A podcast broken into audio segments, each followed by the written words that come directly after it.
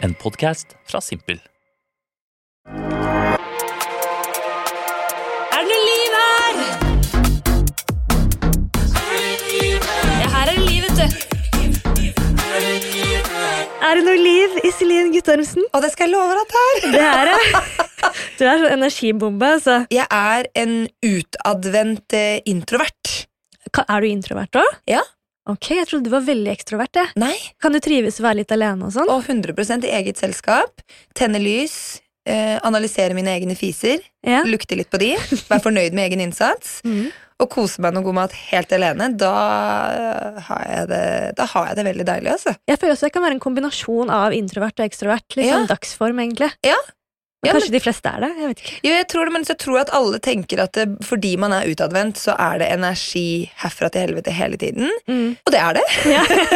Neida, men, men, men, Men du nei. kan bli helt slått ut da. Jeg kan bli helt slått ut. Nå har jeg hatt to dager hvor jeg har ligget i vater eh, og bare spist potetgull og sjokolade og sett på, sett på Netflix-serier. Dystre Netflix-serier, faktisk. You, ikke sant? Han er morderen ja. som bare går rundt og dreper, og en eh, serie som heter Dark, som er helt sånn déjà vu, parallelle universer og helt sånn marerittaktig opplegg. Som er veldig dark. Som er veldig dark. Er, det er veldig mørkt, liksom. Det er liksom ikke noe sånn uh, rom i serien hvor du tenker «Ah, her endelig skjer det noe liksom, annet hyggelig nå. Eh, så der, der har jeg vært nå i to dager. Jeg har vært eh, i, i mørket. Men du kom jo også fra ferie, for du gløder jo veldig. da. Du har vært i Tyrkia.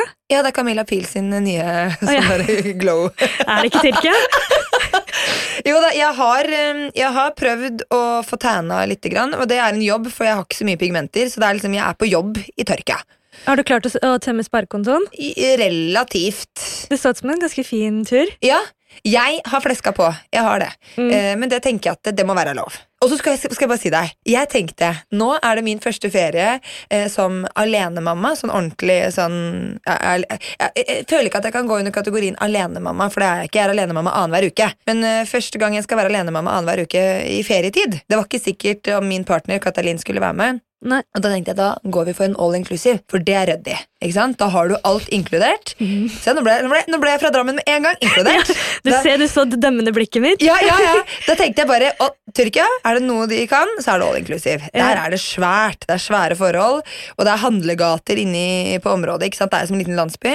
Mm. Det er frokost, øh, lunsj, ettermiddags, kvelds, middag, alt og is og øh, drikke hele dagen. Det er bare fråtsing. Fråtsing, men så kjente jeg altså, så tenkte jeg, at det er deilig å slippe jeg å tenke på å orge med å komme meg ut på finne restauranter, barna, og det var jo 43 varmegrader, så det var heftig varmt. Så tenkte jeg dette, er- dette blir bra. Altså, det var altså så slitsomt. Altså all inclusive.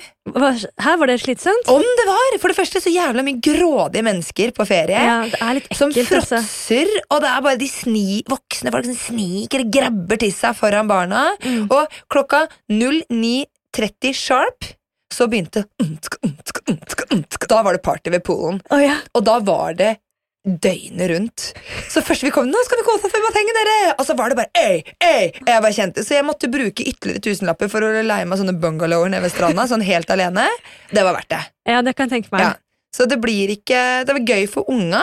Ja. Eh, og gøy å være i basseng og bade i tiss, urin og andre deilige bakterier oppi der. Mm. Men så var det veldig deilig å komme ned til havet ved saltvann og Ja, nyte Rense litt. rense litt, og da ble det jo fort tre dager på rappen nede på en sånn Så da gikk sparepengene på det. Ja, for og det det var det jeg så bilder av. Det Ja. så helt Det fantastisk var ut. helt fantastisk. Jeg også klart å svi av sparekontoen. Jeg tok en sånn superspontantur til Santorini. Det var ikke Ah, billig, det heller. Men Santorini er nydelig. Ja, veldig Og så så fine Instagram-bilder. Ja, det blir, det blir veldig bra Insta-content. Altså. Ja, ja, ja. ja. Og litt glowy glow og med fine kjoler, og du med gravidmage i tillegg. Ja, måtte det, måtte det, altså. Så jeg er veldig glad jeg gjorde det. Og så veldig glad at det liksom gikk så fint å være gravid og fly, og jeg er jo liksom på Nå er jeg på siste trimester. Så nå kan du, men nå kan du snart ikke fly mer. Nei, så det var akkurat på grensa. Det var akkurat på grensa. Mm, men det gikk veldig veldig fint. Ja. Og fly, og det gikk fint. Det var 40 varmegrader der også, og det var masse trapper og bratt. Og, Ja, ja, Men det gikk eh, veldig bra. Du, du stråler jo. men det var, jeg trengte den ferien. Ja. Så jeg har jo vært på Stavernfestivalen, og jeg har vært, ja, reist, og nå gikk jeg sånn der fjelltur i Loen, eh, 1000 meter opp på fjellet. og Men du har fått med deg at du er gravid? Eh, tydeligvis ikke. Men jeg er, så, jeg er så sykt takknemlig, for jeg har vært så mye dårlig også. Ja. Hvor det var sånn, Bare jeg skulle ut og ta en kaffe med en venninne, så måtte jeg hvile i tre timer hjemme før jeg Ja, klarte å gjøre noe annet. liksom. Ja. Eh, og sover veldig dårlig. Sover så vidt på nettene. Ja. Men at jeg liksom er liksom good på dagen og klarer å gjøre ting, Jeg er bare så sykt takknemlig, da. Ja, men det er fint at du er takknemlig, og jeg tenker den der starten av svangerskaps... eh, altså, eh, jeg kjenner jo at vi som samfunn, jeg føler at vi er sånn fucka, ikke sant? for når det kommer til graviditet, så skal man, man skal jo ikke si noe til noen med en gang, Nei. eh, og spesielt ikke innen de første tolv ukene, fordi at da kan det jo hende at tilfelle noe går galt, men så er det jo også i den perioden at man som regel føler seg mest shitty, og sånn, hvis du får svangerskapskvalme, og du er trøtt, og du er energiløs, og, så da kjenner vi gravide kvinner kanskje litt på den derre som mange andre kjenner på, når man er sånn usynlig syk. Mm. Når ingen ser på at du er syk, men du er bare altså sånn. Men så har du ork til det du orker. Plutselig så har du kanskje ork til å dra på jobb en dag eller dra på butikken, men så kan det slå deg helt ut. da. Ja. Og så får vi ofte høre sånn derre ja, ja, men du er jo bare gravid, du er ikke sjuk. Altså, Greit, jeg er ikke syk, men jeg har jo alle symptomene på sykdom. Mm. Altså, Her ligger mannfolk, eller folk generelt, og sykemelder seg fordi de er fyllesyke. Som du 100% har klart å ordne, ordne deg sjøl. Jeg fungerer så dårlig etter tre dagers fylla. Så, bare, ja, ja, så kan du tenke deg tre dagers fyllesyke i tre måneder. da. Det føles ut som en fyllesyke. Det er akkurat det, Og så skal du si at du er ikke syk, du er bare gravid. Nei, fuck det shit, Jeg er dritsjuk. Jeg er dritdårlig. Jeg fungerer ikke i det hele tatt. Jeg er tappa for energi, jeg er trøtt, jeg er sliten, jeg har vondt i bekken, jeg er kanskje hoven uten at man ser det. Og, ikke, og så skal man ikke få lov til å si noen til noen ting. Du skal Nei. ikke si noe til arbeidsgiver, skal ikke si noe til noen, så du skal bare gå og late som at du ikke er syk når du føler deg dritt. Grunnen til at man ikke forteller, at, uh, forteller det innen tolv uker, Ja. er for at man kan miste barnet. Ja. At det er veldig mer vanlig enn man tror. Mm. Men jeg hadde Jannicke Weeden på besøk, og hun var sånn Hvorfor forteller man ikke bare med en gang Ja. til alle sammen? Fordi at da kan man liksom dele litt den sorgen, og man står ikke helt alene oppi det. da Ja, jeg er så enig. Jeg tror veldig mange av oss damer eh, spontanaborterer uten at vi vet det. Så man, man Mm. tror bare er en forsinka menstruasjon eller en for tidlig menstruasjon, eller hvor du er i syklusen. Uten, og så er det kanskje en dag hvor det var litt ekstra klumper eller var ekstra vondt. Ja. Eh, Men man, hvis man planlegger å bli gravid, så er jo det veldig veldig sårt for noen. Og for andre så går det helt fint. Ja. Og for noen så kan en spontanabort en gang være helt eh, Man tenker ikke noe over det, vi prøver en gang neste gang. Mens en annen gang så kan det være fryktelig, fryktelig smertefullt. Mm. Så jeg tenker at hvorfor det skal være så mye sånn tyst og hysj og skam rundt dette her. Så bare, ja, hva så hvis jeg har funnet ut at jeg er gravid, og jeg gleder dritten ut av meg, og så gikk det ikke sånn det skulle? Da har i hvert fall folk rundt meg forståelse for at nå er jeg ikke meg selv. Nei. Det er helt utrolig at du skal gå gjennom et sånn type traume, da. Og så skal du bare late som ingenting. Jeg kan ikke fatte det. Dette er kvinnehelse på sitt beste, det må jeg bare si. Altså. Men har du spontanabortert noen gang? Ikke som jeg vet om. Jeg har abortert, jeg har tatt øh, altså kirurgisk abort. Mm. Men jeg har aldri Ikke som jeg vet om at jeg har tatt spontanabort, men sikkert. Jeg også føler sånn, Det har vært noen menstruasjoner som har bare vært et helvete. Hvor jeg er Ja. på legevakten og sånn og bare fått masse paraginfort. Og bare sånn, Det her Ja. kan ikke være Ja, er en vanlig menstruasjon. Og så vet jeg jo folk også som har tatt, ø, som har tatt abortpiller. Da. Altså, Jeg kan forstå at dette kan være vanskelig for noen å, å, å høre om. At man, noen velger å frivillig gå gjennom eh, aborter. Men det er også smertefullt når man tar disse pillene som gjør Ja, det modningspillene som gjør Det er som en, og det, skal du også, det gjør du også helt alene ofte, da. Eh, hvor du står på badet hjemme og blør ut og aborterer, rett og slett. Og så Mm. er det i, skal man liksom ikke snakke om det, så jeg bare Det er veldig rart. Det er jo vår største kampsak at vi kvinner skal få lov til å ta abort, og så er det Ja. ingen som tør å snakke høyt om det. Det er akkurat det. Og det er jo ikke så rart, for det er jo veldig mye er, Jeg skjønner at det er delte meninger eh, om det også, men, eh, men jeg bare Det er så Jeg har snakket med så mange venninner og, og med søstrene mine om akkurat dette her. Hvor mye av livet til oss kvinner som på en måte blir satt på vent idet vi går inn og blir gravide. I det vi går inn og blir gravide, Enten det er planlagt eller ei. Og jeg pratet med ei som fortalte om det da da Hun ville jo veldig gjerne ha sex da med kondom, for hun ville ikke bli gravid. Og partner var sånn ja, men er det så farlig som jeg skal hoppe i svingen og ting og tang? Og så gjorde de det, og så ble hun gravid. Eh, og så var hun jo da først ganske dårlig i mange uker. Mm. Og så er det hele den der mentale prosessen med å gå gjennom det, mens han, livet hans går jo videre. Han Ja, drar på jobb uten at noen ting har skjedd. Han kan gå ut og besøke gutter, men hun orket jo ikke da å gå ut og drikke med venninner, og sånne type ting, for hun visste jo ikke helt hva hun skulle gjøre. Skal jeg beholde, skal jeg ikke beholde? Skal jeg, ikke sant? Mens han tar det for gitt at nei, men selvfølgelig skal vi ikke beholde dette her. Så er det hun som må sykemelde seg fra jobb ikke sant? fordi hun blir utafor av dette her. Det er hun som må bruke tid til å gå til legen og til psykolog for å bearbeide hele denne prosessen. Og så er det hun også som må gå gjennom aborten, enten den er kirurgisk eller om den er med piller. Og så må hun være borte fra jobb fordi at det er en påkjenning, både mentalt og fysisk. Og så skal du komme deg opp til hektene igjen og komme tilbake i syklus og hele midten her. Så det er bare sånn Altså Gutta slipper så jævlig billig unna, da enten det er planlagt eh, eller ei, og enten man Mm. velger å beholde eller ikke. Så det er på en måte sånn Og så skal man da holde kjeft om det og være sti... Altså, jeg Nei, vet du hva? Det, jeg er jo veldig for åpenhet, da. Ja, det er jeg helt enig i. I'm Sandra, and I'm just the professional your small business was looking for. But you didn't hire me because you didn't use LinkedIn jobs. LinkedIn has professionals you can't find anywhere else, including those who aren't actively looking for a new job but might be open to the perfect role, like me. In a given month, over 70% of LinkedIn users don't visit other leading job sites. So if you're not looking on LinkedIn, you'll miss out on great candidates like Sandra. Start hiring professionals like a professional. Post your free job on linkedin.com/achieve slash achieve today. Ever catch yourself eating the same flavorless dinner three days in a row? Dreaming of something better? Well, HelloFresh is your guilt-free dream come true, baby. It's me, Kiki Palmer. Let's wake up those taste buds with hot, juicy pecan-crusted chicken or garlic butter shrimp scampi. Mm. Hello Fresh. Stop dreaming of all the delicious possibilities and dig in at HelloFresh.com. Let's get this dinner party started. Since 2013, Bombas has donated over 100 million socks, underwear, and t shirts to those facing homelessness. If we counted those on air, this ad would last over 1,157 days. But if we counted the time it takes to make a donation possible, it would take just a few clicks. Because every time you make a purchase, Bombas donates an item to someone who needs it. Go to bombas.com slash ACAST and use code ACAST for 20% off your first purchase. That's bombas.com slash ACAST, code ACAST. Når eh, tok du en abort? da? Var det tidlig? Var du ung? Em, ja, jeg var relativt ung. Jeg var sammen med et rasshøl, og så Jeg tror jeg var 20 et eller annet, eh, men tok en kirurgisk abort. Mm. Og har aldri angra. Nei, det tviler jeg ikke på.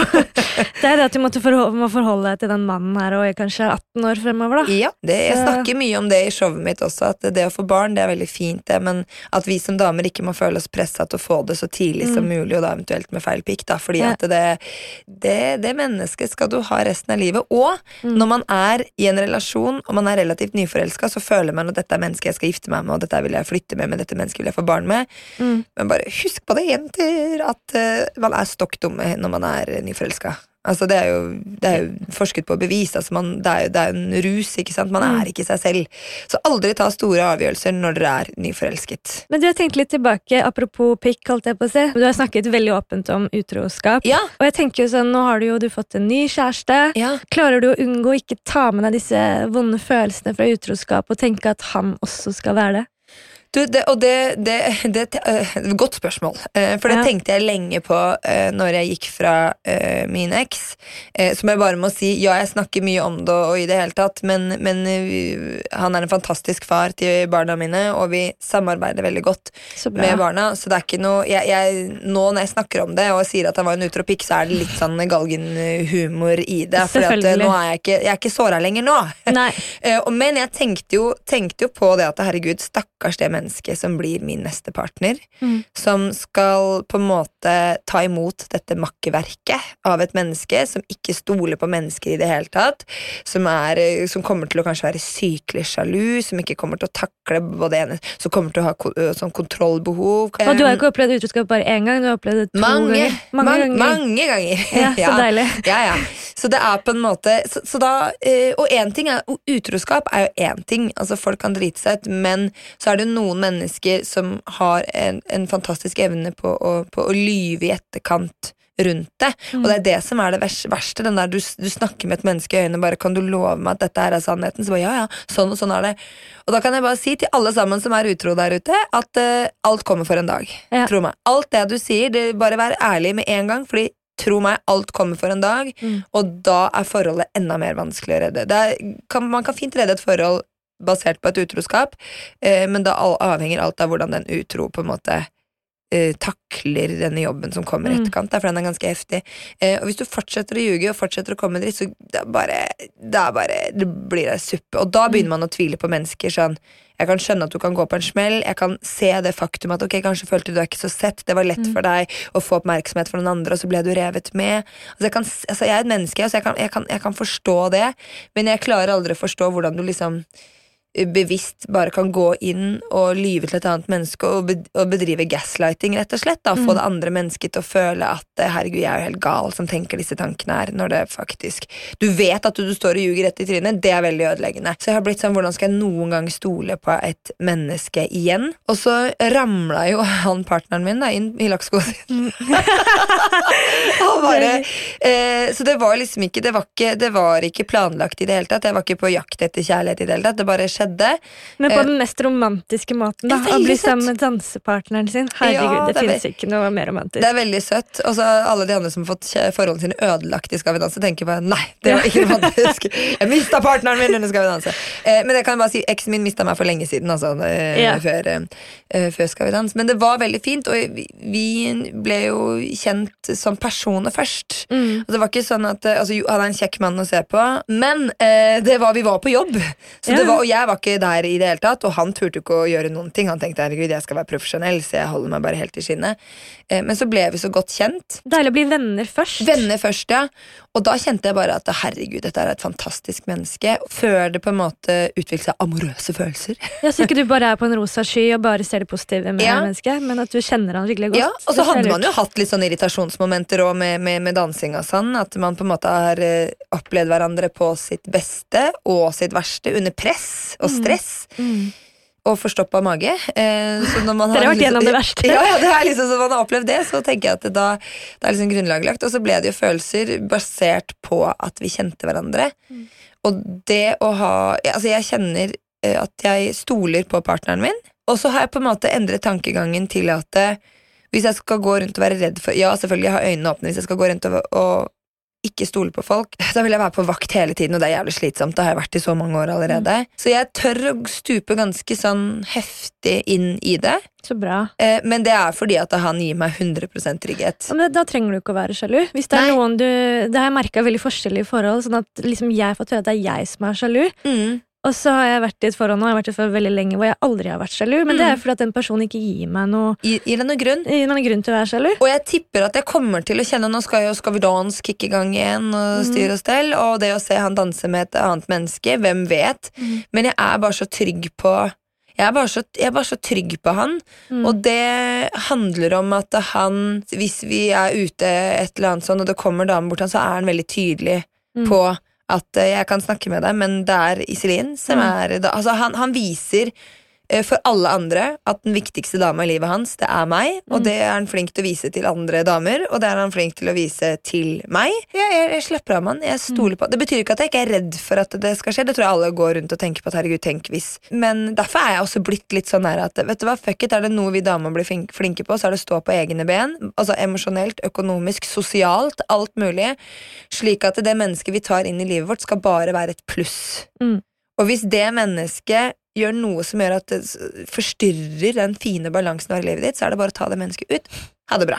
Men tror du også du på en måte tilga eksen din fordi dere hadde barn? 100% Var det hovedgrunnen? Ja, det var, det var på en måte Jeg ville jo bare Jeg ville ha dette familielivet. Jeg ville få det til å funke. Og det er, jo også statistikker viser jo det, at kvinner ofte blir værende i relasjoner selv om det ikke er bra, enten pga. økonomi eller barn. Så tror jeg da at hvis du ser at du blir tilgitt en gang, og tilgitt og tilgitt, og tilgitt, så ser de jo at ja, her kan man jo bare fortsette. Her er det ikke så mye som og Det er ikke noe, så mye konsekvenser. Og nå er jeg jo mye, i en mye sterkere posisjon som kvinne den dag i dag enn det jeg var den gang da. Sånn med tanke på karriere og økonomi og hele den biten der. Men nå er jeg sammen med en mann som synes at jeg som ressurssterk um, og høylytt kvinne er en verdi. da Han syns det er en verdi og ikke et problem. Mm. Og det er ganske fint. Men jeg kan forstå at det er mange menn som ikke klarer å se på det som en verdi, men som et problem. da Er det sånn at du har vært redd for å være utro selv? Aldri. Altså, jeg har hatt, Det er mange ganger hvor jeg har tenkt at fy faen, nå skal jeg bare ta hevn. Mm. Skal jeg bare ta hevn, og så skal vi se hvordan han føler det da. Men så har jeg bare kjent at den dårlige samvittigheten gidder jeg ikke å leve på. Vil heller være den bedre, og samtidig så er det sånn, hva faen har jeg for noe å si da i, diskusjoner? Mm. Altså Da kommer jeg bare til å få Ja, men nå har du gjort det samme. Mm. Så, og da vil jeg bare si at det er veldig forskjell på å være utro fordi du går på en smell, eller fordi du blir begjært av en annen kvinne, og du føler begjær, og du, du gjør det fordi du er kåt, eh, versus det å være utro på hevn, som Mm. hevn. For da gjør du det jo kun Altså, du, det, det For å være sikkert du- slem. Ja, du gjør det kun for å være slem, for å såre partneren din. Du gjør det ikke, Så da er det på en måte ikke like sårende, hvis du skjønner. Hvis, hvis en partner hadde vært utro mot meg kun for å ta hevn, så hadde jeg ikke okay, du, Så du var egentlig ikke så kåt på det andre mennesket, du hadde kanskje egentlig ikke så lyst, du bare gjorde det for å ta hevn. Så det, det er på en måte den utroskapen som blir begått bak ryggen til en partner fordi du ikke tenker på partneren din, den føler jeg på en måte er, er mye verre. Og jeg hørte på, er det Kjærlighetspodden? Det var to psykologer i hvert fall som satt og snakket om at det finnes liksom De deler ganske grovt inn i to menneske, eh, menneskearter. Da. Du har de som er utro, utro, og de som ikke er det. Er det sant? Ja, og de snakket veldig sånn om det, at du har De delte inn utroskapen i sånn som du gjør i jussen, ikke sant? sånn overlagt utroskap. Og ting som ikke Altså som var skjedd ved et uhell, ikke sant? som Mm. ikke var overlagt. Eh, og så er det bare noen mennesker som bare har anlegg for det, som er utro samme hva, uansett hvor fint de har det i relasjonen sin. Og så har du noen mennesker som aldri kommer til å være utro. Men eh, for å snakke litt positivt, da. Ja, eh, Gå over til noe som er litt hyggelig. ja. Eh, Det virker jo som at, at Katalin og barna dine har et veldig fint forhold. Du, De har et kjempefint forhold, og der har vi jobbet ganske sånn knallhardt eller bevisst på det. Mm. De har vært, jeg har vært veldig ærlig med barna mine på at vi har følelser for hverandre, og at vi har vært forelsket. Men de har også vært veldig tydelige på at eh, de ikke er klar for at mamma skal ha noen kjæreste. Mm. Eh, og det handler ikke om at de ikke liker Katalin som menneske, snarere tvert imot. De elsker han.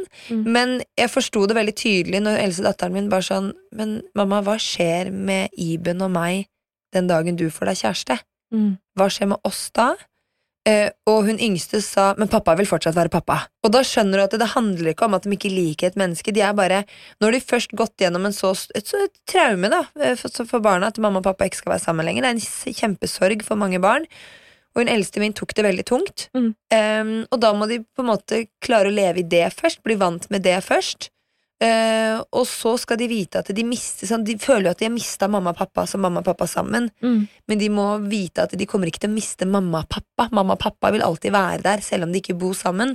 Mm. Og for meg så har det vært veldig viktig at uh, når jeg har skapt meg et nytt hjem nå, at det er hjemmet til jentene mine og meg. At de ikke føler at å, nå skal vi til mamma og Katalin. Nå Ja. skal vi bo hos dem. Nei, dere skal ikke bo hos noen andre enn dere selv. Dette, dere har ett hjem hos pappa, og dere har ett hjem hos mamma, og det er deres hjem. Og i alt annet som blir eh, så ødelagt og forvirrende i et samlivsbrudd, så har jeg følt at det viktigste er at eh, det som på en måte er stabilt, det skal få være stabilt. Så jeg har bosatt meg på samme sted, de barna går fortsatt på samme skole. Og da har det vært viktig for meg at de skal føle at de kommer hjem, og hvis de har lyst på besøk av Katalin, så skal han få lov til å komme på besøk. Og da er Ja. de krye over å invitere han hjem til seg. Ja. Eh, og der har vi vært veldig strenge, så det er fortsatt sånn annenhver uke. Når jeg har barna, så er jeg med barna. Og så får han lov til å komme innimellom hvis de vil. Mm. Eh, og den uka jeg ikke har barna, så kan jeg gjøre hva faen jeg vil. Men de lurer fortsatt liksom på som pappa er fortsatt pappa. Ja, Ja. selvfølgelig, pappa er fortsatt pappa. Og Katalin trenger ikke å innta noen rolle som noen sånn bonuspappa eller noe sånt. nå, For Nei. de har allerede en pappa som er fantastisk. Jeg husker, Man har kanskje det som barn, at man har behov for å si at sånn Mamma sa det at når jeg var liten, det ble slutt mellom mamma og pappa når jeg var sånn fire-fem. Ja, Og da kunne vi sitte på restaurant og spise med mamma og nykjæresten til mamma. ja. Og da måtte jeg gå rundt på alle bordene på restauranten og si Ja. sånn Han der fyren, det er ikke faren ja min. bare sånn at jeg har sagt. Ja, ja. Bare sånn at dere vet det. Og Ja, de ja. bare sånn «Øh, Ok, hvem er det da, Ja, Yeah, we don't care. Ja, han der er Han bare spiser med oss. Ja. Han, bor med Han, han sover i sengen med moren min. Ja. Men det er ikke faren min. Det er min. ikke faren min. Bare sånn, jeg vil ikke ha noen ting! Ikke bli assosiert med han. Men sånn var det når vi var i Tyrkia. også, Så skulle vi ta disse Jeg gikk jo på en smell der, da, kan du si, på sparekontoen, men jeg skulle ta familiebilder. Ja, det Eller- så jeg nå. Ja, eh, og jeg ble jo revet med. Det er klart at eh, special price only for me and my family. Og så ble det bare sånn eh, Så trodde jo de selvfølgelig at Katalin og jeg var mor og far, og barna var barn. Mm. Og, og hver gang de sa father, Ingelin så på meg bare det der er ikke faren min. ikke Nei. sant? Eh, veldig behov. Og så sier jeg jenter, vet du hva, vi kan godt forklare de nå at det er ikke pappaen til barna, men han er heller ikke kjære, For den gang, da hadde jeg ikke fått lov til å bli kjæreste med, med, med han ennå. Eh, så, sånn, så han er ikke faren til barna mine, han er heller ikke kjæresten min, men han er med på tur. De, sånn, de Han bare ligger med moren din. ja, det var, de, de, kommer, ja, de kommer ikke til å forstå det. Så vi bare, vi bare, og da ble det en morsom sak. da Hver gang de sa fader og dad, da begynte Ingelin og Iben å le. Fordi Ja. Da ble det en morsom greie med at vet du hva, vi, bare, vi vet at han ikke er det, men vi orker ikke å forklare situasjonen. Så vi bare, vi bare spiller med. Og da ble de bildene bildene enda mer morsomme og kleine Ja. eh, for de også å ta når det ble for sånn happy family, og så er det ikke faren deres.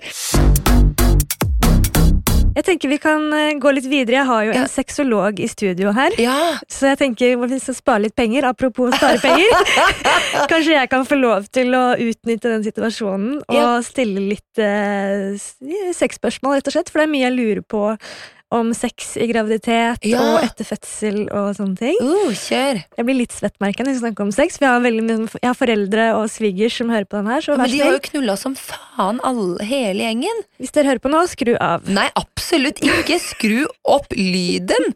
Altså, han faren din han har stikket den nesa si langt oppi noe greier, han. Altså, vet Nei, nei, nei, nei, nei. Jo, jo, jo. Ok. Jeg generelt blir, har blitt veldig kåt som gravid. Ja.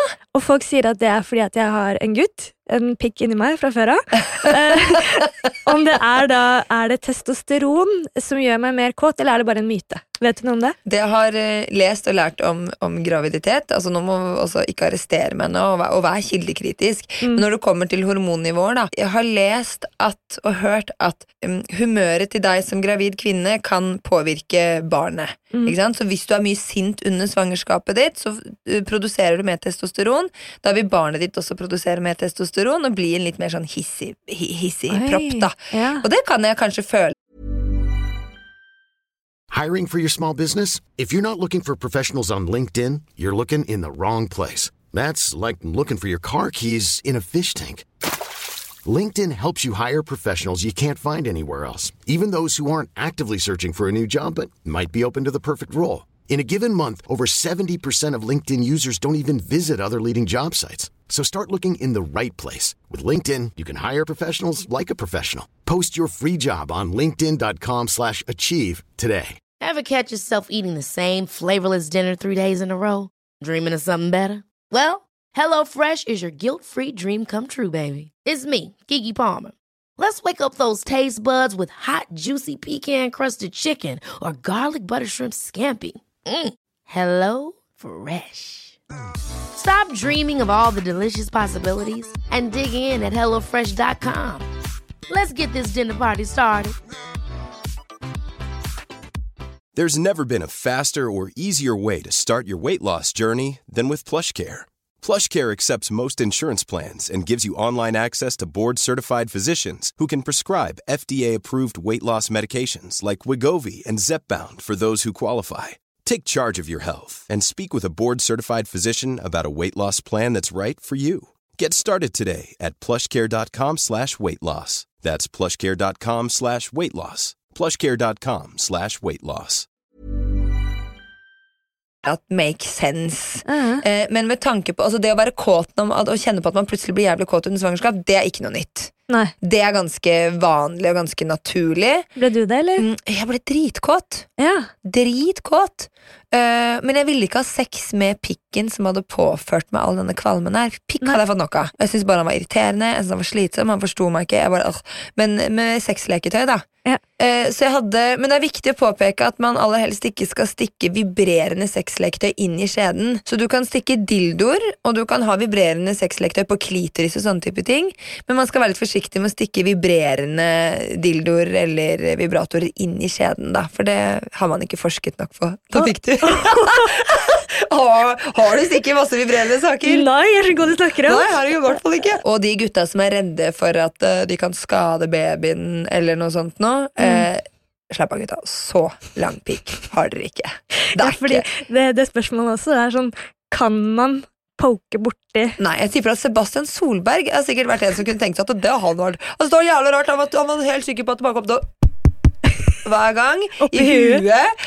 Knulle barnet sitt i bakhuet, liksom. Eller i panna. Ja. Det skjer ikke. Barnet ligger så godt uh, forsegla. Du har livmorhals og Mm. alt sammen som beskytter. Altså det, det kan ikke ta skade. Men du tenker at det er sunt å ha sex under graviditet? 100 Det er Ja. kjempefint. Alle disse fordelene da, man har ved å, ved å ha sex, altså alle hormoner, alle endorfiner som frigjøres, lykkehormoner osv. Eh, og det at vi kvinner også føler mer til altså, tilknytning til en partner automatisk når vi er eh, eh, i fysisk kontakt med et annet menneske. Mm. Så dette med tilhørighet og nærhet og kjærlighet og sensualitet og er kjempeviktig. Og kan også bidra til at fødselen settes i gang da, på slutten, når man kjenner at nå, Ja. nå vil man eh, at det skal skje noe greier her. Så når man kjenner liksom murringer og rier, da er det bare å ligge med en gang? Ja, bare få noen orgasmer. Ja, orgasme er muskelsammentrekninger, ikke sant? så det setter jo i gang en, en prosess. Mm. Så det er bare sex er, sex er bare fint, det. Jeg har heldigvis en mann som på en måte nesten har mer lyst på meg nå enn før. Ja, men det er klart du er kvinnelig. Er Jo. moderlig. Men det tror jeg, man er veldig enten-eller, for jeg snakket med en venninne i går som har en mann som er helt omvendt, som Ja. syns at eh, hun er ukjent, og det er rart at du har noe levende inni deg, og Mm. sånne ting. Og så har du kjæresten min som er helt omvendt, som er veldig som syns det er helt fantastisk, Ja. og har aldri sett på meg på den måten før. Jeg gruer meg til å ikke være gravid lenger. Jeg Ja. vet ikke om han kommer til å noen gang se på meg på samme måte Jo, men da kommer han til å se deg fra Nå er du i en gravidrolle. Mm. En, en mor som er gravid. Eh, etterpå så skal du kun være mor, og det å se partneren sin i en sånn rolle, det kan også være utrolig fantastisk. Mm. Altså, Katalin sier jo det til meg. Altså, han sier bare det å se på deg når du er mamma, når du holder på med barna. Han, altså, han blir helt varm om hjertet, liksom. Han, får bare, han blir bare ekstra Det er en måte du aldri får se partneren på hvis hun ikke er mamma. Du kan se partneren din med andre barn og leke og ha det gøy, og sånn, men den morsrollen, da ser du plutselig og så, er det, og så er det også da eh, Katalin for de varme følelsene for to mennesker som ikke er hans barn. Mm. Tenk deg din partner da, som skal se deg i det lyset der med deres felles barn, og se kvinnen i hans liv ha en så omsorg for noe som er hans. Det er også ganske vakkert. Jeg håper det, at det fortsetter, at ikke det bare stopper opp eh, nå. Nei, det, det vi, vi snakket jo litt om puppene dine før vi satte i gang her, for de er jo blitt eh. De er meloner nå. De er meloner nå, og så snakket du om at du var redd for at de skulle bli borte når du, eller etter du hadde født da, og amma og sånn. Eller når du Ja. ammer, så kommer de til å være dritsvære. Da er de enda større, er det Ja, ikke det? Ja. men så det var, veldig, det var veldig nydelig i starten, hvor man liksom fortsatt har helt flat mage, og så de puppene bare fortsetter å vokse, da. Men han far i huset han må bare øh, være klar over det at når du ammer, så er det ikke sikkert at du har så lyst til at han skal være oppi det matfatet der. Nei, fordi det er sårt, og det kan være Ja, altså er det bare og Plutselig, Jeg husker jeg kjente det veldig godt, at eh, kvinnekroppen, som jeg alltid har sett på, eh, dessverre, fordi jeg er så fucka av det samfunnet vi lever i, eh, sett på som et objekt som på en måte skal være sexy for mannen, Mm. fremfor at jeg skal trives i den selv, men jeg har ikke trivdes i den med mindre folk har syntes at den har vært digg. da. Mm. Eh, og dette med pupper og sånn, som alltid på en måte har blitt veldig seksualisert gjennom pornoen og gjennom populærkulturen vår, eh, og så skulle det plutselig være matfatet. Fitta, som før har vært et knullehøl, er en fødekanal. Eh, og den har kanskje revna og blødd, og det har vært morkake som er født ut, og du har blødende sår inni magen, det lukter altså råttent daukjøtt av fitta di to uker etter fødsel. ikke sant? Det er liksom, det kommer brune slingre, kladderklumper ut, og du går rundt med bleie, og du har på en måte du har, får på en måte et helt annet syn på kroppen din, samtidig som du ser på den som det sterkeste og råeste. Så også veldig sånn, fy fader. Jeg fikk i hvert fall veldig mye mer respekt for kroppen min etter jeg hadde født, og bare Fy faen. Så de mannfolka som faen ikke klarer å vente til partneren er klar til å ha sex etter fødsel, Mm. De kan ta seg en runk.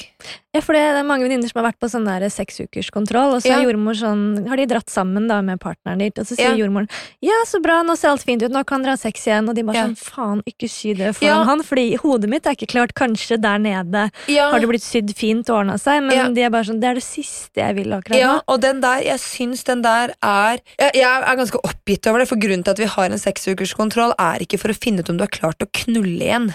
Grunnen til at vi har en seksukerskontroll, er for å se at alt er grodd, slik at det ikke er bakterier og ting og tang. Og så er det selvfølgelig, ja, nå er det trygt å ha sex. Nå, nå er alt ser fint ut, så det er derfor man skal vente seks uker til etter fødsel.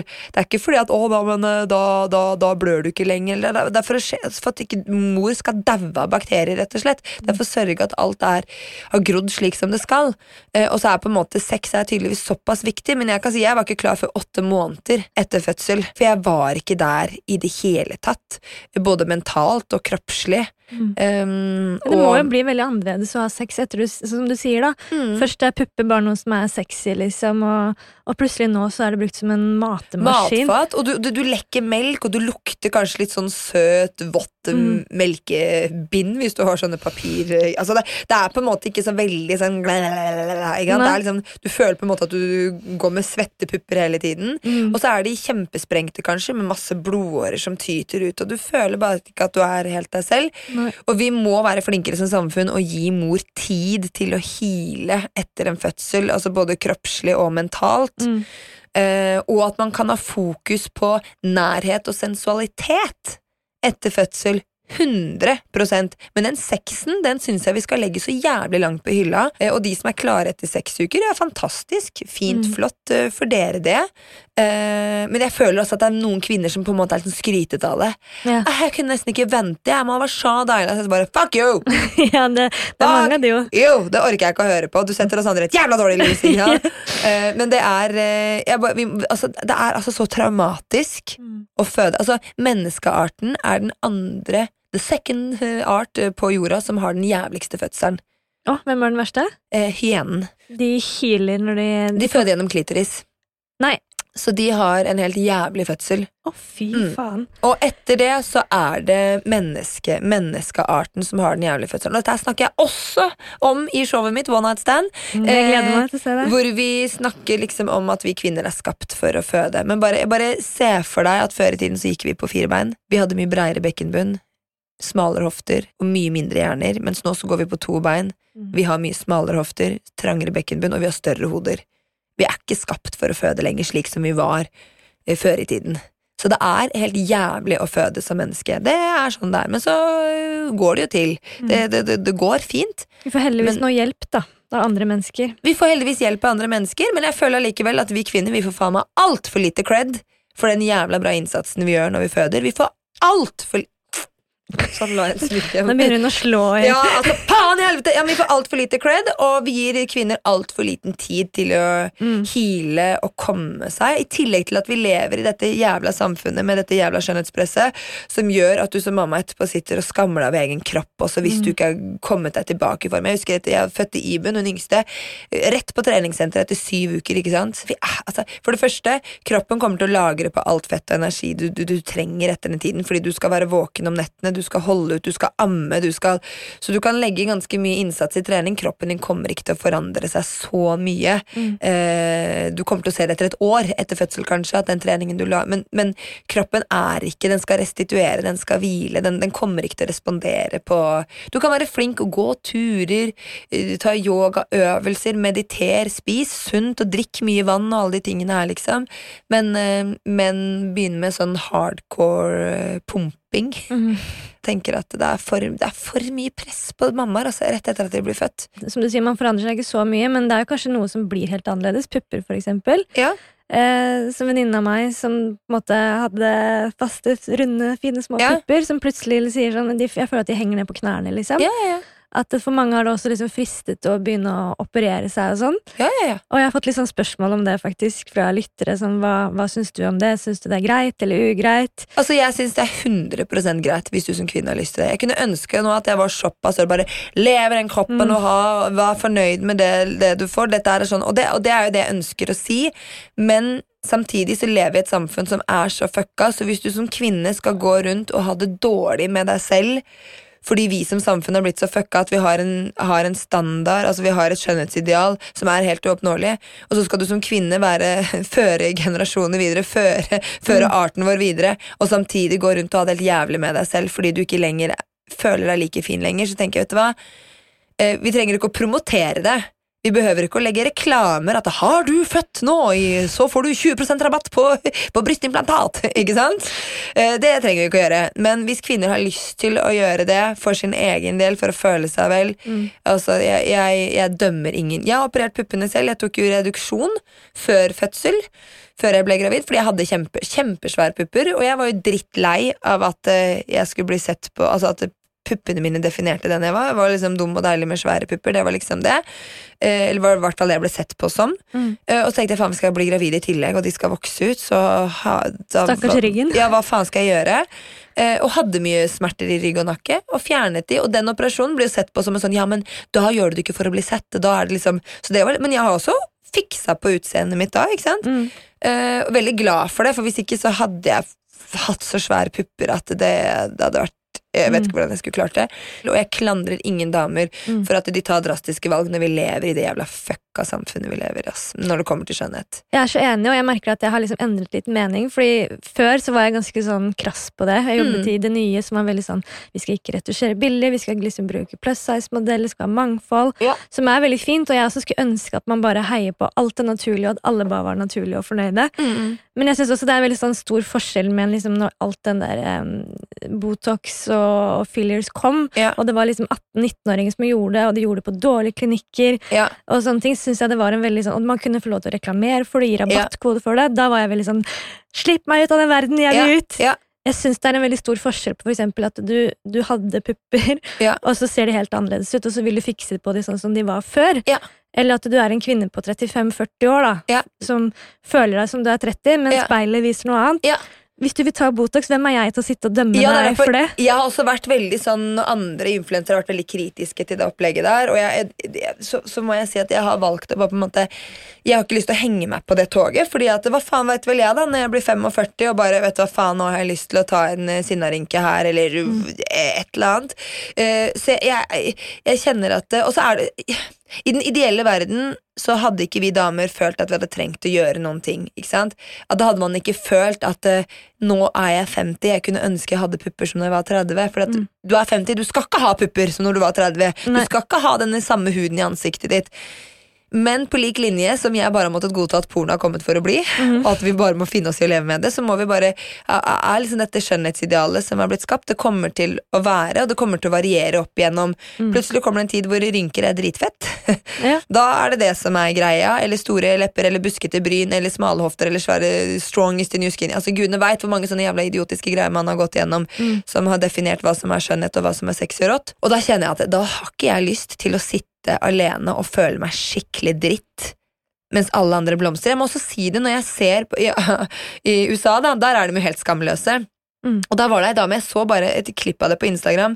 Hun sto der og bare Oh, everyone is talking about me like oh, you're glowing. Blah, blah. Fuck you, this is Botox. Ikke sant? og da ble jeg litt sånn «Hæ, Takk! Ja. Takk for at du bare er så ærlig, og at du ikke står her ute og selger skinprodukter og bare 'Dette er bra for å få en silkemyk hud'. Og så bare, vi, vi kan kjøpe de samme produktene dine, men det funker ikke fordi at du har tatt Botox. Ja.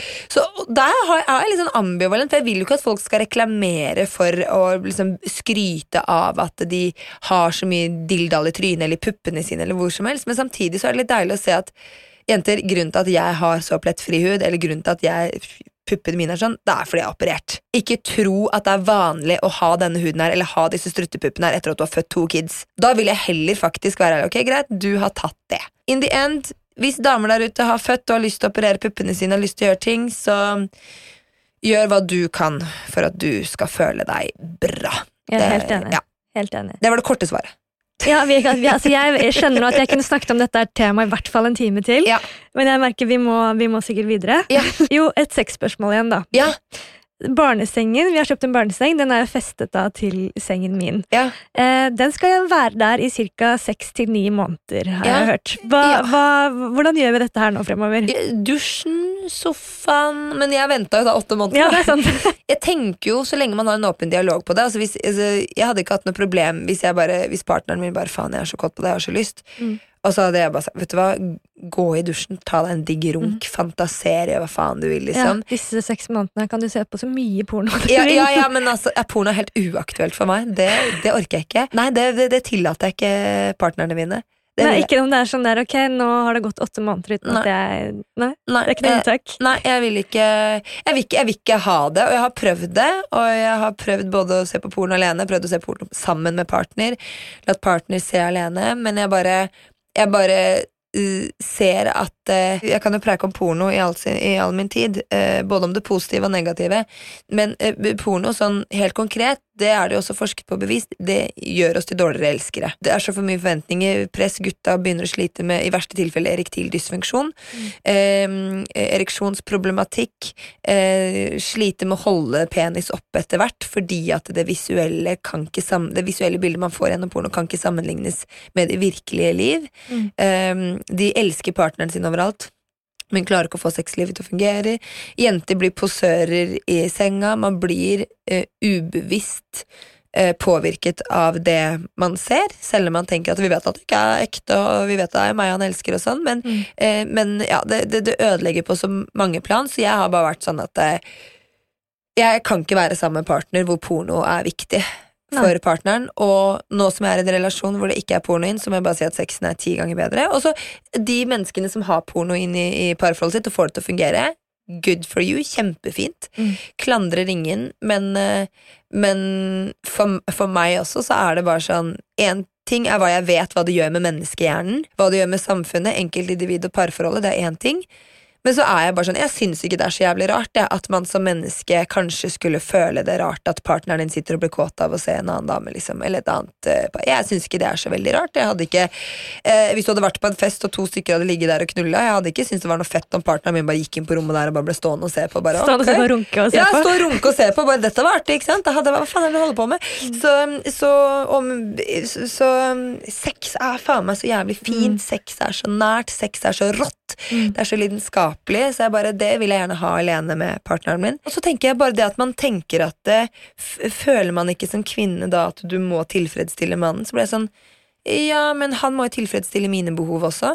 Absolutt, Og men det- jeg, jeg, lever i et samfunn hvor det, jeg hadde kjent på det. Ja, At ja, Hvis jeg ikke hadde tilfredsstilt mannen min på noe som helst måte på åtte måneder, så hadde jeg, han sikkert følt at det er noe galt med oss, og at vi ikke har det bra i forholdet vårt. ikke sant? Og det, er det, det er det jeg kjenner at, eh, jeg kjenner at vi lever i det samfunnet, og så er det litt sånn Dette her med, med, med sexlyst, det er så jævla sårt, og så er det veldig urettferdig overfor mannen. Det er Mm. det. Fordi at eh, hvis du som eh, Hvis du som kvinne har lav sexlyst, og du som mann, i normativt heteronormativt perspektiv, og mannen er vel, har lyst og kvinnen sier nei, så må du som mann bare godta det. Mm. Ja, da må du bare skjønne det at nå må du lytte til kvinnen sine behov. Hun er ikke, nå må ikke du være så grisete mann. ikke sant? Det er ikke deg det handler om. Men hvis det er motsatt, eh, at det er en, en kvinne som har mer lyst, og mannen ikke har, så tar vi veldig fort eh, sympati med kvinnen.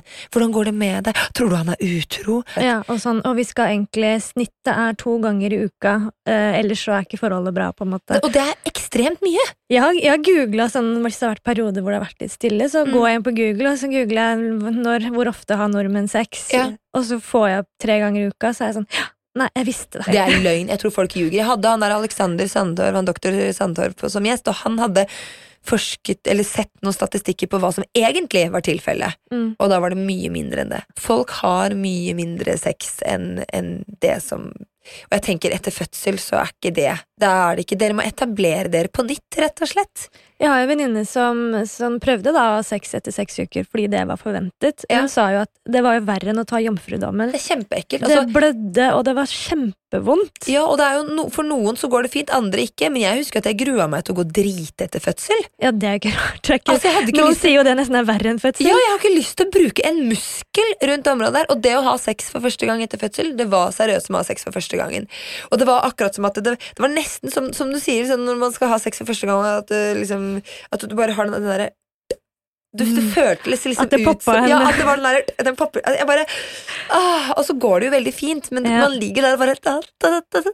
Mm. Men når du driver og knyter hele kroppen, så blir det jo heller ikke bra, da. Nettopp. Og har man pliktsex, Mm. kun ha pliktsex, så kan det også føre til vaginisme, blant annet, og andre ting som, som gjør at det blir smertefullt å ha sex. Da. Så Mm. hvis man som menneske tenker at så, dette her er mennesket jeg skal være med sammen med resten av livet mitt, jeg har valgt å få barn med deg, du og jeg, vi skal være sammen for alltid. Vi har tid. Vi har tid. Du klarer å vente litt. Og jeg skjønner at sex er viktig, men nærhet og sensualitet er desto viktigere. Og har man fokus på nærhet og sensualitet, så vil sexen etter hvert bli Jeg kan si, jeg har aldri vært så kåt jeg, som det er i den relasjonen jeg er nå, fordi han ikke maser, da. Eller Mm. ikke forventer noen ting. Da blir man jo helt Willy Nikkersen.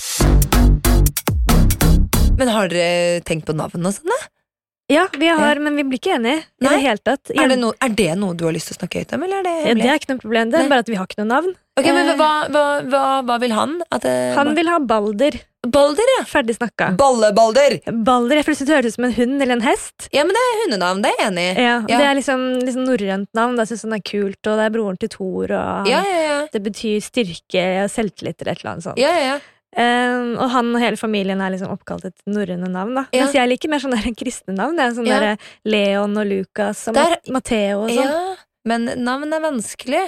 Du skal jo, Den personen her skal hete resten av livet og introdusere seg selv, og det klinger litt på engelsk fordi samfunnet er litt mer eh, Ja, Lett for andre barn å si også. Ja. Se for deg Balder på engelsk, da. Balder. Boulder. Nei, det går ikke, det. Jeg må bare sette ned veto. Det Ja, skjer det ikke. Vet du hva jeg gjorde for noe når jeg ville ha Iben på min? Ja. Og Tom sa at nei, det høres ut som en dansk lesbe. og så sa jeg ja, og hva så? Nei, det syns han ikke var noe særlig. Og da bestemte jeg meg bare for at uh, jeg, nei, jeg ville ha Iben. Jeg syns det er så fett navn. Uh, jeg hadde bare bestemt meg for det, så det jeg gjorde, var sånn uh, Altså påvirket han uten at han la merke til det. Så når vi skulle begynne å flytte og sånn, da, eller handlet inn ting og sånn, så skrev jeg alltid på esker sånn, så skrev jeg bare Iben, barneklær Iben. Ibens rom. Iben, Iben, Det er så slett, for det er det Iben, kjæresten min gjør med meg. Han kaller han har kalt han fyren inni magen for Balder i tre måneder nå. Nei, det er ikke lov! Han har ingenting! Han har Du gjør jo det samme! Ja, men Jeg har jo født ungen! Jeg, jeg har jo veto på dette her! Det er det jeg mener! Altså, han, Hva er det partneren din har bidratt med? Han har bidratt til sjarmøretappen. Orgasme. Du, du trengte jo ikke nødvendigvis å få en orgasme for å få dette barnet. her Nei, Det var jo kun hans orgasme som var nødvendig. Det, faktisk, det burde vært sånn at eh, naturen lagde oss sånn at du må få en orgasme for å bli gravid. tror jeg gutta hadde vært mye mer interessert i å finne ut av hvordan det faktisk fungerer å få en dame til å komme. Ja. Så nei, jeg tenker at ja, det er gratulerer, du har bidratt i to minutter, og så skal du i tillegg Nei! Nora, Bestemme navn! Nei, nei, her må du legge ned her, Dette her, det er førstefødte, den her skal du få lov til å bestemme. Det skal jeg bare si. Nora, her må du sette ned foten.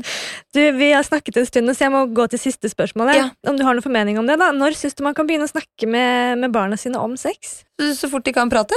Ja. Jeg tror folk, eh, folk blir veldig sånn Jeg har fått mye tyn for det også. Sånn, herregud, hvor fuck er du i hodet som skal prate med barn om sex? Og bare setningen 'barn og sex' i samme setting Mm. får folk til å grøsse. Så ble det sånn, slapp av. Det er ikke snakk om at vi skal lære treåringen i hvordan du skal suge kukk, liksom. Det er Nei. ikke det som er greia.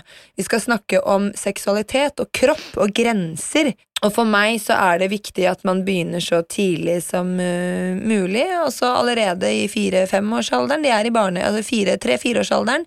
Når de kan uh, prate. Og da, og da handler det om å forebygge seksuelle overgrep. Og veldig mange overgrep blir også begått av barn mot andre barn, nettopp fordi de ikke vet, uh, vet hvor grensene går. Verken egens eller andres. Og i Norge, da, hvor um, hvor, eh, som er det eneste landet i Europa som tapper alle statistikker i Europa da, når det kommer til bruk av porno blant barna våre. Så ligger vi, altså vi ligger på toppen, og da begynner barna våre å se på porno fra de er rundt 18 åtte år. Kanskje nå nyere, altså jeg vet ikke nyeste forskning, men kanskje tidligere, fordi nettbrett og internett og, og pornoen i dag er mye grovere enn lekebladene vi fant i skauen, eh, eller porno-VHS vi fant hjemme hos fattern og mutter'n. Det det er ganske heftig skitt. Og barn er nysgjerrige. Eh, og det kan være altså, så ti altså, når man skifter bleie på det, ikke sant? Og snakker med barna om at eh, husk at det bare er eh, det, det er ingen som skal ta på tissen din, det er ingen som skal kysse på tissen din, og du skal ikke kysse eller ta på tissen til andre. Og så er det vanskelig for barn, for i barnehagen ikke sant, så er det klart at det er det jo mange voksne som må ta de på tissen når de tørker og vasker. Og, Ja. ikke sant? Og hvordan skal de vite hva som er rett og galt? Derfor er det så viktig å være tydelig. da. Når man er i dusjen og dusjer sammen Barn har jo veldig ofte en tendens til å kanskje ville ta på tissen til mamma eller ta på tissen til pappa. Synes det er spennende. Og bare allerede da si at dette er mamma sin tiss, dette er pappa sin tiss, dette er din tiss. Mm. Ingen skal ta på tissen din, ingen skal ta på Det er samtaler du Jeg må kan ha. ikke tro jeg skal ha sånne samtaler Det skal du ha. Og Ja. du må også være såpass tydelig, ikke bare si 'din kropp er din kropp'. Du sier kropp, stopp, du bestemmer. Så bare, Nei, det er ingen som skal kysse på tissen din, det er ingen som skal sleike på tissen din. Og så blir eldre så snakker de om at det er kun voksne som sexer, og det er kun voksne som er kjærester. Mm. Og så får de finne ut etter hvert at du behøver ikke å være kjæreste. Nei. Du kan knulle som du vil. Jeg føler at jeg må dra, fortsette å dra til sexolog eh, Iselin. Har du, har du noen timer? Jeg har masse, du kan komme og stimulere G-punktet mitt, Ja. så kan vi prate enda mer. Ja, men det er herlig. Mm. Da, da er det bare å sende faktura. Jeg har fått eh, spørsmål på masse her. Så bra! Så jeg føler meg i hvert fall mer klar for eh, sex. Jeg vet ikke hva vi har snakket om, ja, vi har snakket lenge nå. Vi har Eh, snakket mye om, vi har snakket mye om sex, da. Det har vi jo. Ja, men det trenger vi, for det er ingen andre gjester som har lyst til å si så mye om det. De pakker det så fint inn og er litt Er det, nei, Tenkte jeg, okay, Sigrid Bonde Tusvik, hun Ja, det, det kommer, og det, det snakket, da var det, var det kun fødsel som eh, gjaldt. Ja, ja, men En hun brutal- hadde jo en brutal Hun revna jo fra nakken og ned, liksom. Så hun, Det rumpehullet ble delt i to. det ble delt. Det, det, det Gled dere til den episoden. Den var, Kristin, da? Snakker ikke hun om sex, da? Nei, jeg tror de, de må på G-punktet for De å tømme G, seg. de må på G-punktet og tømme seg. det må. Men da, da vet du det. Ikke, ikke få sjokk når det ramler brune kladder ut av tissen din etter fødsel, og det lukter litt sånn råttent. Ja. Det kan være helt Det hadde jeg i hvert fall. Mm. Eh, og at eh, det kan godt hende at du ikke har noe sexlyst overhodet. Nei, ikke noe sexlyst på åtte måneder. Det kan skje, Det og det er helt skje. greit. Men da fokus på sensualitet fremfor seksualitet. Alle de som sier 'sett av sex i kalenderen', jeg er veldig imot det. Ja. I en travel periode. Men sett av, eh, sett av til sensualitet, eller altså det bør jo ikke være sensualitet heller, men bare egentid, kjærestetid, Mm. det er det viktigste. Og hvis det ikke blir sex etter kjærestetid, så er det helt, helt, helt i orden. Mm. Det er ingenting som er bedre enn å ha sex når man virkelig kjenner at man er kåt. Mm. Og det blir man ikke hvis du setter det i kalenderen. Og så lenge dere har det bra, trenger dere ikke å google sånn som jeg gjør. Er dette normalt? Fordi alt er normalt, Ja, tenker jeg. jeg har, på- jeg har inntrykk av at du er sammen med en veldig fin mann. Ja. Så han, jeg tipper at det, så lenge han får ronk og donk og kosa seg, hvis det er Mm. viktig for han, Mm. så, så ta dusj sammen også. Det er jævlig fint. Ta med babycallen inn på badet, Mm. stå der, og ha bare være nær hverandre og mm, mm, mm, mm, mm. Kose, kose seg. Ja, det Kanskje det blir noe slikk og slurp og sug og knull inni dusjen der. Det er kjempehyggelig. Nå må jeg avslutte før, vi, Ja. før jeg blir helt svett her. det var helt, veldig veldig hyggelig å ha deg i studio, og takk for at du deler så mye fint. Du, takk, det skulle bare mangle. Takk for at jeg fikk lov til å komme på besøk her hos deg.